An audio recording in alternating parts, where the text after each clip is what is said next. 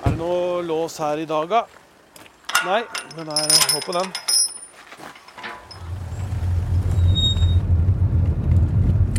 Men her kjørte da Jonas eh, opp. Vi veit jo ikke ennå hvordan Eller hvorfor, eller hva som gjorde at han eh, kjørte hit.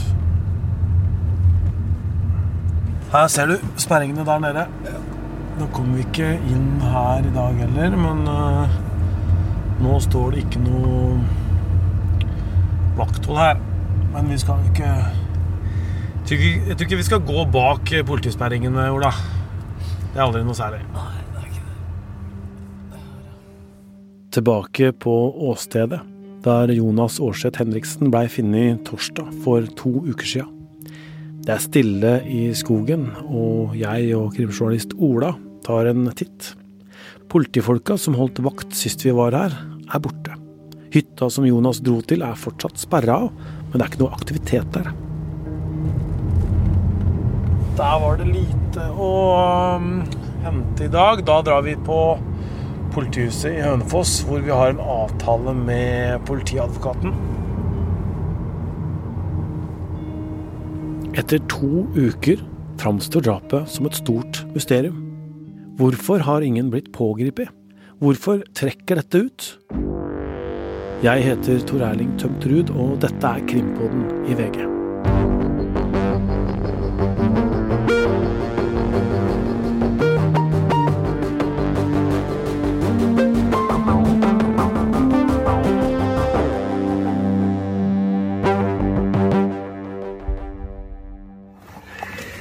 Verkstedet mitt, det har tatt fyr i natt.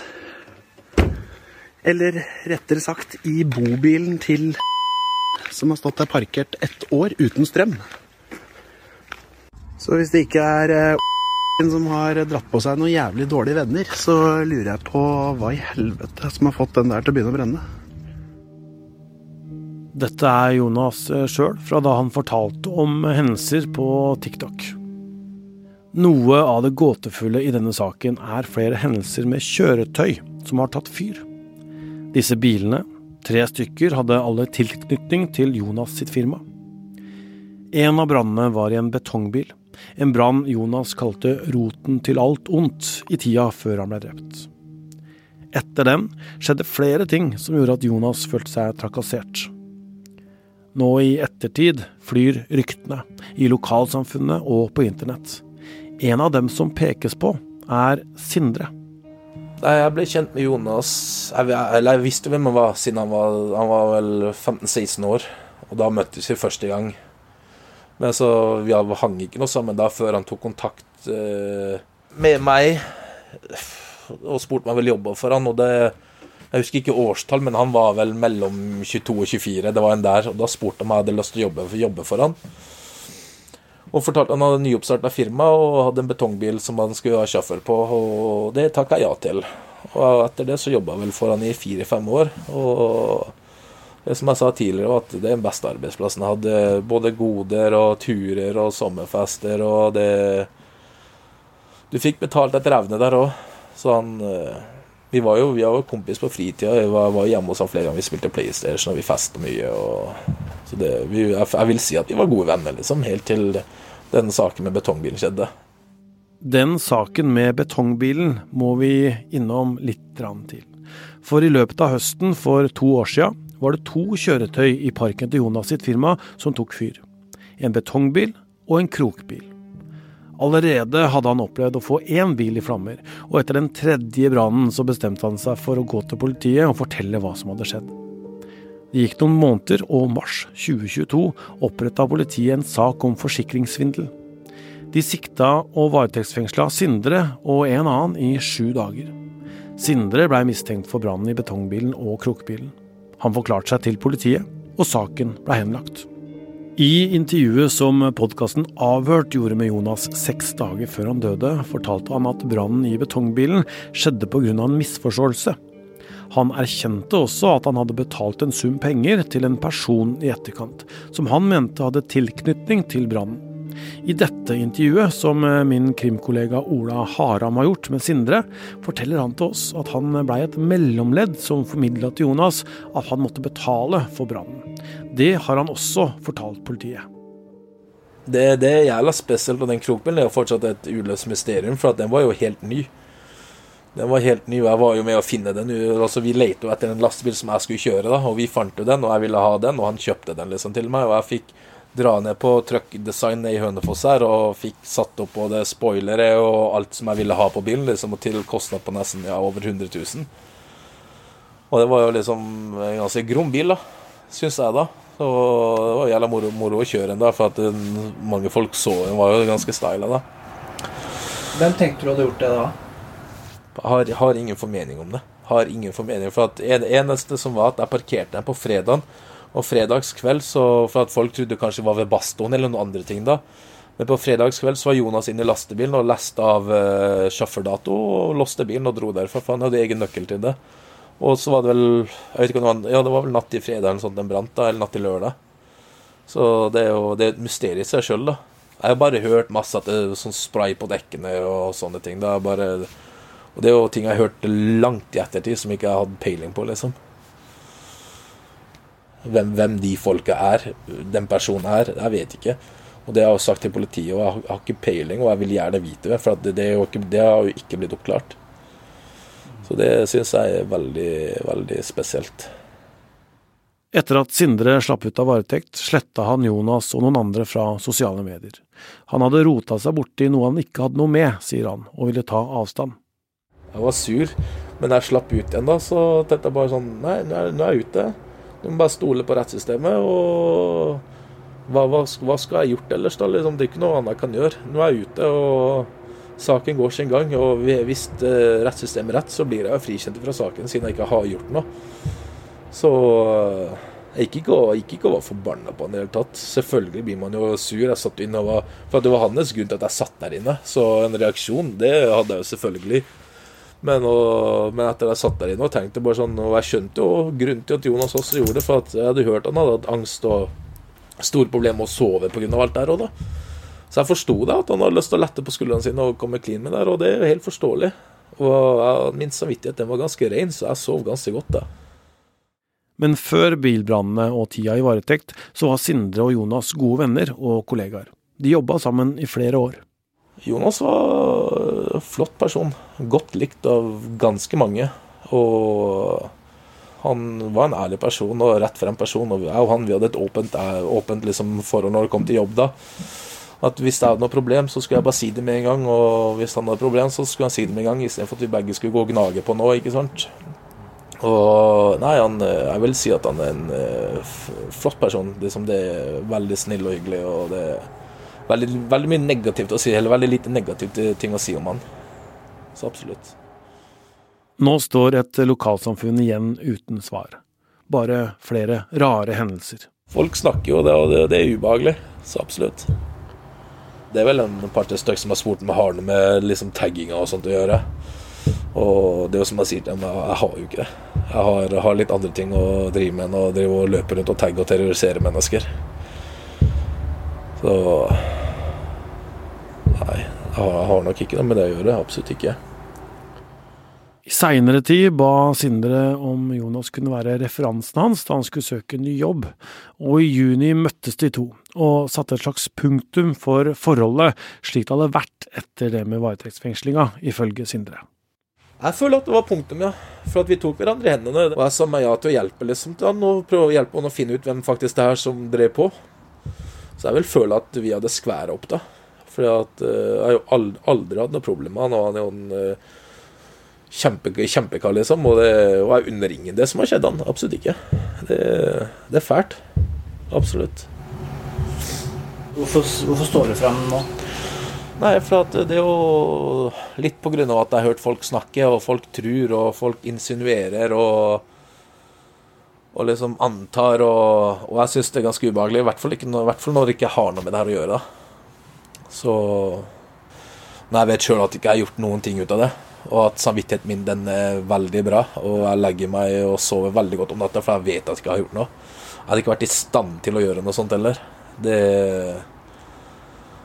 Det, nei. Det er, ikke, det er, i hvert fall ikke noe som jeg kunne ha klart å gjort. Og etter de syv dagene i varetekt, så eh, skal ikke jeg tilbake dit, altså. Så nei. Hvis noen tror det er deg, hva kan du si til de? Nei, det, Jeg får jo ikke sagt noe liksom, det, utenom det jeg for sier til deg. Du kan jo sitte her og tro at det er meg òg, for, for all del. Og det, er jo, jeg prøver, er derfor jeg liksom litt sa at dere også kunne komme, for at jeg ville helst forklare min side av saken òg. For at folk snakker veldig mye om uh, forskjellige ting og anty, antyder forskjellige ting. Og jeg ser meg ikke sjøl som en person som er i stand til å verken gjøre drap eller uh, bruke et år eller to og terrorisere en annen person for uh, noe han faktisk har gjort. Han har ikke gjort meg noe vondt i det hele tatt. Det hadde, hadde en topp arbeidsplass som gikk til helvete. Ferdig. Ble, saken ble henlagt. Jeg har ikke båret noe sinne over han i det hele tatt. Så det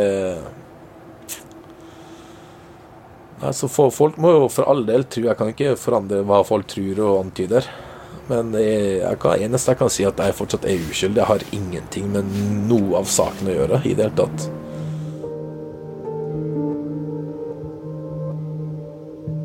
Mandag denne uka så er vi utafor eh, Hønefoss politistasjon. Politiet skal ha en pressebrif, som de kaller det. De har ikke noe nytt å fortelle, men siden det er journalister som ringer hele tida etter oppdateringer, så ønsker politiadvokat Tine Henriksen å ta det i plenum. Velkommen til denne korte pressebrief. Politiadvokat Tina Henriksen vil gi en kort orientering. Så åpner vi på noen spørsmål i plenum, og så er det anledning til individuelle spørsmål spørsmål i etterkant. Vær så god. Det er nå gått elleve dager siden Jonas Aarseth Henriksen ble funnet død torsdag 17.8, og politiet er på Hønefoss igangsatt etterforskning. Bakgrunnen for denne seansen her er for å gi, gi, dere en kort oppdatering på saken, og for å imøtekomme ønsker fra mediene om tilgjengelighet. Politiet vil ikke komme ut med ny informasjon om saken i dag. Vi er i en tidlig fase av den etterforskningen, eh, hvor hovedjobben vår nå er å samle inn mest mulig informasjon. Det knytter seg delvis til kriminaltekniske undersøkelser, eh, avhør av vitner og gjennomgang av tips. Så er det også et pågående arbeid med å gjennomgå all den informasjonen vi allerede har mottatt. Eh, men det er klart hovedjobben vår nå er å samle inn mest mulig informasjon som vi tenker kan være relevant for denne saken. Ingen er foreløpig pågrepet. Og vi mener at det er helt nødvendig i denne saken å etterforske bredt. Eh, og vi jobber ut fra en rekke hypoteser. Dette er en komplisert sak, eh, og vi må ta høyde for at etterforskningen vil kunne ta tid. Og på et så tidlig stadie av saken som vi nå er, så mener vi at det vil kunne være skade for etterforskningen dersom vi går ut med detaljer fra saken. Og Det innebærer også at vi i liten grad ønsker å bekrefte eller avkrefte informasjon som kommer frem i media så har politiet tidlig bekreftet at avdøde eh, har hatt status som fornærmet i tidlige straffesaker som ikke er avgjort. Disse går vi som kjent grundig gjennom, og vi har også foretatt eh, visse undersøkelser opp mot noen av disse sakene. Et av hovedspørsmålene er jo om det er en sammenheng mellom en eller flere av disse sakene og drapet. Og Det er et pågående arbeid, men det er for tidlig å si noe rundt det nå. Det må vi komme tilbake til. Og så er det gjennomgang av tips. Vi er veldig heldige fordi det er mange som tar kontakt med politiet og kommer med informasjon. Jeg kan ikke si noe mer om hva informasjonen knytter seg til, men vi er veldig takknemlige for at folk tar kontakt. Jeg vil igjen bare minne om at dersom man tenker man kan ha noen opplysninger, ta direkte kontakt med politiet. Ja takk. Da åpner vi for individuelle spørsmål. TV 2. Dere har hele tiden sagt at dere etterforsker om dette kan ha en sammenheng med andre straffesaker der avdøde har hatt status som fornærmet. Har det arbeidet hittil avdekket eh, at det er større eller mindre sannsynlighet for at det har en sammenheng?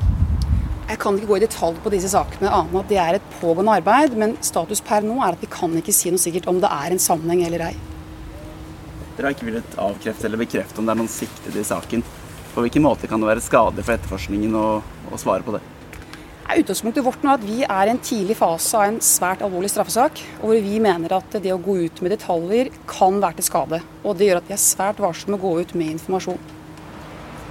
Ja, Hvis det ikke er flere spørsmål i plenum, så takker vi for eh, oppmøtet. Og så åpner vi opp for individuelle intervjuer, og VG har stilt seg på liste. Hei. Hun bare går litt bort, eller? Ja. ja. Da sier du mye uten å si noe? Det var noe med det, da. Ja, og Nå har det gått eh, snart to uker siden han ble funnet. Eh, hva er det som gjør denne saken spesiell?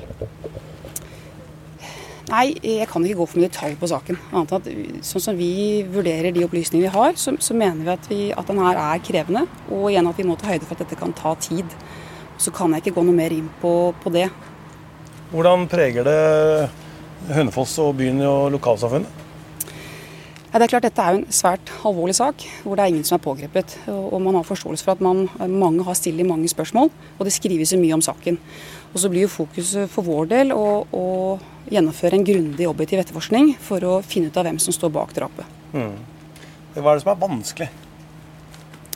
Nei, det, det, går litt på detaljer fra saken. Så det eneste jeg kan si er at eh, Slik vi vurderer saken nå, så mener vi at den er krevende. og Derfor har vi satt inn store ressurser med ulik faglig kompetanse for å kunne bidra til å oppklare saken. Det har oppstått en del eh, rykter. da, altså Det kommer både til mediene og til dere sikkert også i politiet. Hva, hva tenker du rundt det? Eh, det er klart at Av, av hensyn til avdødes familie og nærmeste, og for også knyttet til etterforskningen, så, så, ber vi folk om å være varsomme med å, å skrive ting, komme med påstander. Eh, for politiets del så er likevel vi er nødt til å forholde oss til det. og Vårt fokus er å få mest mulig informasjon om saken. Og så bare ber vi om å ta direkte kontakt med politiet hvis du har informasjon. Greit. Takk, takk. Nei, Øystein. Eh, fortsatt er ingen eh, pågrepet her, og politiet har ikke så mange svar å komme med. Vi vet jo at Jonas hadde en god del dokumentasjon på at han opplevde seg trua den siste tida, og politiet sier jo også da at eh, de har saker hvor, hvor han var utsatt for både vold og, og hærverk. Men, men politiadvokat Tine Henriksen sier jo mye uten egentlig å si noen ting. Det er ikke mye svar å få. Jo, men nå må du lytte til hva hun faktisk sier, eh, Tor Erling. fordi at hun sier jo at denne saken er komplisert, og at de ser for seg en bredt anlagt etterforskning som vil ta tid. Og det sier meg jo da, som vi var inne på innledningsvis, at denne saken er ikke så enkel som man kanskje kunne tro. Jeg antok i starten, skal jeg innrømme, at politiet kom til å pågripe noen ganske fort. Eh, jeg tenkte at eh, på et eller annet vis, eh, og jeg sier ikke alle de trusselopplevelsene som, eh, som eh, Jonas opplevde, men at det var et eller annet i hvert fall én av de hendelsene som kunne sette politiet på sporet av noe, og at det ville bli ganske tydelig hvem som hadde sendt han melding og hatt kontakt med han i forkant, eventuelt hvem som ellers kunne finne på å, å, å få han opp den hytta. Og at det ville på et eller annet vis, da, innenfor det området her, gi noen, noen svar og peke mot en person eller flere personer. Men uh, der er vi altså da ikke. Hva er det som er så vanskelig her, da, og spesielt med saken? Hva er det politiet må finne svar på? Ja, Da er det flere ting jeg har bitt meg merke i. Det aller første vi kan eh, snakke om, er jo disse truslene og hærverk og vold som han har blitt utsatt for.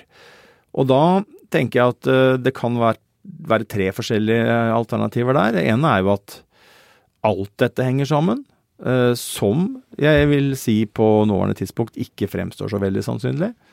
Eh, det motsatte kan jo være at ingenting av det som har skjedd i forkant med Jonas, har noe med drap å gjøre. Og det kan godt hende at det er tilfeldighetene som har slått inn her, og at det bakteppet som eh, i anførselstegn alle trodde måtte ha et eller annet med drap å gjøre, viser seg å ikke ha det. Og så er det selvfølgelig en mellomting her. At det er ulike årsaker, ulike folk, som står bak eh, tagging, eh, trusler, hærverk, branntilløp. Eh, og det er så mye, ikke sant? Eh, og kanskje da er sånn at eh, noe er det noen som står bak, og noe av det andre er det noen andre som står bak, og at en av de skal vi kalle det aktørene, eller noen av de aktørene som står bak noe av det, kanskje har noe med, med, med drapet å gjøre. Men, men, tror du politiet sitter på, at, ja, på et slags persongalleri her som er interessante? Det vil jeg tro. Eh, jeg er overraska hvis ikke politiet har en eh, skal, Tror jeg ikke det henger en sånn liste opp i et rom med navn og bilde som kanskje noen ser for seg på en TV-serie, men at politiet har navn på flere personer som de mener er svært interessante, og som de må jobbe videre med. Og som kanskje også har en uh, sånn uformell mistanke mot, uten at den er formalisert, men at de tenker at her kan dette kan være en, eller en av de vi leter etter. Det, det vil jeg tro. Etter såpass uh, intens etterforskning i ti dager, så tror jeg ikke man står på bar bakke at man ikke For å ta det motsatte, man, jeg tror ikke man har en situasjon hvor man ikke aner noen ting om uh, hva det er som kan, hvem som kan stå bak her. Men, men, eh, men, det er ikke tvil om at det er en vanskelig og krevende sak. Og så er det jo det at politiet har gått ut og sagt at de ønsker informasjon allerede fra mandag, altså fire dager før drapet. De ønsker bl.a. opptak fra folk som har eh, kamera på, på, i bilene sine, dashbord osv. Uh, eh, og det er jo, tenker jeg, det er det nok en grunn til. Uh, at det er mandag og såpass lang tidsrom i forveien. Det, det pleier ikke å være det. Eh, og så er det jo opplysninger om at det har skjedd eh, ting i forkant, som også jeg tror er interessant. Dagbladet har jo skrevet om et vitne som sier at eh, det ble hørt 14 skudd angivelig da den mandagen. Og så har vi også I det hørt, området som han ble funnet? I det området. Vanskelig å si om altså, Bare så det er sagt også, og det å høre hvor skudd kommer fra ja. i en skog, det, kan, der kan du bli lurt. Eh, det handler om så mange ting, om eh, åser og trær og hvordan lyden bærer over vann osv. Men Og nå sitter det jegere i alle bygder da, og skyter opp til storviltprøva og sånn, da? Ja da. Også det at denne låsen på en bom Vi har vært ved den bommen og gått inn med bommen, eh, kjørt inn med bommen. Det er jo da en ikke en bom hvor du betaler noe eller at du blir registrert på noe vis, men det er en god gammeldags bom med, med, kjetting og lås. Hengelås. Og den hengelåsen er det jo folk som har stussa over at ble borte borte da i tidsrommet før eh, drapet. Um, så det er liksom Det er liksom uh, noe av det, da. Men hvis politiet eh, får tak i Jeg vil anta at de har den allerede også, mobiltelefonen til Jonas. Da kan man jo gå inn der og se hvem han fikk melding av. Men det er kanskje ikke så lett å komme inn på en telefon? Nei, så er det jo ikke sikkert at det har skjedd på telefon heller. Det kan være andre måter å kommunisere på. Og så vet vi heller ikke om de har telefonen hans. Eh, og mm, hvis det er eh, sendt eh, via Snap f.eks., så er jo det utgangspunktet borte. Det kan være andre mm, Ja, det, er helt umulig å si. Det er i hvert fall og det, og det, kan jo hende politiet vet noe om dette òg, men at de av ulike grunner ikke har på en måte gått på avsenderen. At de jobber med å avdekke flere personer, eller at det er noe som gjør at man holder tilbake på, på noe. Eh, men det er klart det er helt sentralt å finne ut av hvorfor dro Jonas til den hytta? Eh, hva trodde han det møtet handla om? Og det er jo ingenting som tyder på at han har en knytning til hytta. Det er ingenting som tyder på at de som eier hytta har en knytning til Jonas eller til noen gjerningspersoner. De har tilsynelatende ingenting med saken å gjøre hytta blir lite brukt. Uh, så, så er, men samtidig så er det jo uh, noen som har eh, plukka ut den hytta, da. Og vi har vært der, som vi var inne på. Det er jo ikke et sted som du liksom ramler over. Nei, det er ikke lett å finne det, egentlig. Altså. Nei, og litt sånn i forhold til Vi har vært inne på det før òg. Det at du må gi bak den bommen og sånn, tenker jeg er en sånn Hvis du kommer som en hvis du, en, hvis du, skal sette opp et eller annet møte og du vet at her kan det bli litt uh, ugreit, da, hvis du har det som utgangspunkt, så tenker du på hvordan du kan komme deg unna, blant annet. Så det er klart, det å kjøre inn bak en bom som uh, har en sånn lås, og så kan du godt si at uh, ja ja, hvis du tok med deg låsen, da, så kan du komme ut igjen. Men du veit jo aldri om det dukker opp en hytteeier som har en ekstra lås og slenger på den og tenker at her må vi Her er det noe som uh, foregår, eller at du blir sett, da, fordi at det er så uvanlig at det er lite trafikk der inne. Det er mange ting ved det området som jeg tenker er, er rart at det er valgt, og at neppe det er tilfeldig. Jeg tror at en av de som står bak uh, drapet på Jonas, på en eller annen måte må ha en uh, knytning til dette området. Ikke til hytta, men til dette området, dette hytteområdet, dette skogsområdet som vi har vært i, som ligger da ganske sånn øde til i Nes i Ådal. Det, det, er noen hytter der, men det er et sånn veldig grisgrendt eh, skogsområde. Det var jo fortsatt eh, sperra av da jeg var tilbake der på, på mandag. Eh, men snakka jo med mm, Tine Henriksen om, om, de fortsatt gjorde undersøkelser der. Og hun sa jo at de var, var ikke helt ferdig med det da. Tror du, tror du svaret ligger der? Ja, på et eller annet vis så gjør det jo det. Og så veit jeg ikke om det ligger der på det krimtekniske. Det kan hende. Vi har jo sett at det har vært eh, krimteknikere på terrassen. Um, og vi vet at hytta er sperra av, uh, isolert sett. Og så er det jo en sperring utafor der igjen, som vi blei stoppa i, som ligger ved innkjøringa til denne hytta. Så er det vel noen hundre meter med bilvei uh, fra det vi kan kalle en slags sånn hovedvei, anførselstegn, som er en er en vei som går til flere hytter, en grusvei som går gjennom skogsområdet der. Og så er det jo da én vei som går av inn til denne hytta, og den veien går jo kun dit. Og i det krysset så har jo politiet satt opp sperring. Uh, og så er det jo uh, Det er jo ikke sant, helt sentralt å finne ut av hvem er det som har Uh, som vi er inne på, da, lokka eller uh, fått Jonas avtalt med han å møte opp der. Og hva skulle de der? Ja, hva skulle de der? Hvorfor, hvorfor kommer han dit? Og hva, tror, hva tror han det handler om? Og og så leder jo det, det på det neste igjen. Hva, hva var eh, om, han, om, vi tenker at han er lurt eh, på et eller annet vis, dette, både i forhold til hvem man skal møte, eller hva det handler om, så er jo uansett et spørsmål på et tidspunkt hva var faktisk, oss, la, kalle, eh, la, oss kalle det agendaen på møtet. Hva var, den, hva var det den møtet egentlig handla om? Hva ville de som fikk Jonas dit, egentlig med ham? Hva ville de snakke med ham om? Ehm, det er jo helt sentralt å, å finne ut av. Ehm, så, så, her er det mange ting som som uh, Mange spørsmål, og mye som er kanskje komplisert. Ok, uh, Tine Henriksen sier altså at uh, saken er komplisert, men de svarer ikke på noen ting. De bekrefter ikke noen opplysninger eller noe som helst, og det har gått to uker nå. Hva, hva, hva tenker du de legger i det? Nei, Jeg tror ikke politiet eh, ser seg tjent med det. Altså Nå er de i en fase i etterforskningen hvor de har henta inn uh, den informasjonen og gått ut med de etterlysningene de per nå har. Uh, nå ønsker de det som de kaller for arbeidsro, arbeids, å kunne jobbe i fred. Og da jobber de jo mye med å de, jobber, de har ikke bruk for innspill utenfra. De har ikke behov for å melde noe. Og så er det sånn at etterforskninger kan bli skada av for mye informasjon, og det er jo alltid politiet redd for. Og så Uh, vil alltid pressen søke å belyse en sånn sak så mye som mulig, så der kan det jo være en liten sånn konflikt av og til, da, uh, med tanke på hva pressen ønsker å, å, publisere og hva politiet ønsker at skal bli publisert. Men, uh, men jeg tror politiet nå er i en veldig sånn intens fase hvor man har fått inn veldig mye informasjon, og så handler det nok nå om å gå gjennom mye av det man har, analysere det og prøve å se sammenhenger. Prøve å luke vekk det som kan kalles som støy, og prøve å se tydeligere det som kan være viktige spor, og som kan lede politiet videre. Og så er det jo også et spørsmål om eh, man skal eh, Hvor mange personer står bak her? Er det, er det en, er det to, eller er det flere? Eh, og er det ulike roller? Noen som er inne i denne saken, behøver ikke engang ha vært i nærheten av hytta. Sånn er det jo.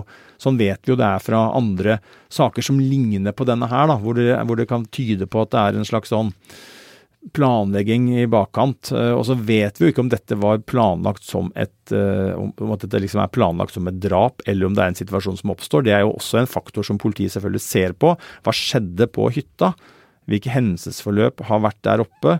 Uh, eller jeg sier der oppe, så mener jeg ikke på hytta, men i hytta, området rundt hytta. Har det, det, vært en Har det starta en, en, en, en, Ja, har det vært en hendelse som har starta utendørs ved hytta? Eh, hvorfor sitter eh, Jonas i en bil når han ble funnet død? Uh, har han vært sammen med en eller flere gjerningspersoner i denne bilen? Har han forsøkt å komme seg unna?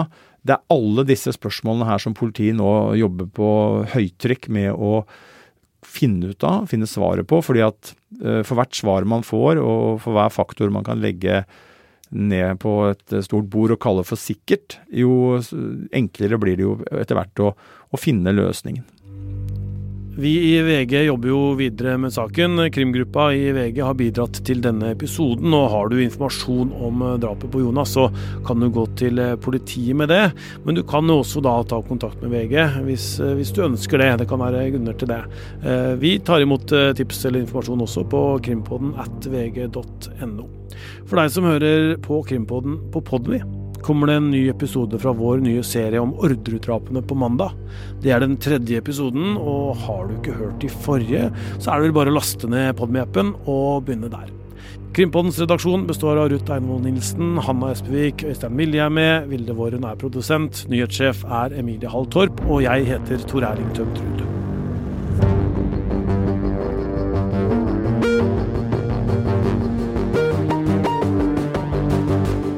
Du har hørt en podkast fra VG. Ansvarlig redaktør, Gard Steiro.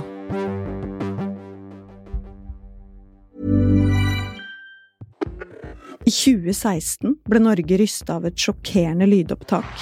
Hun derre junkisen. Det starta med en telefonsamtale.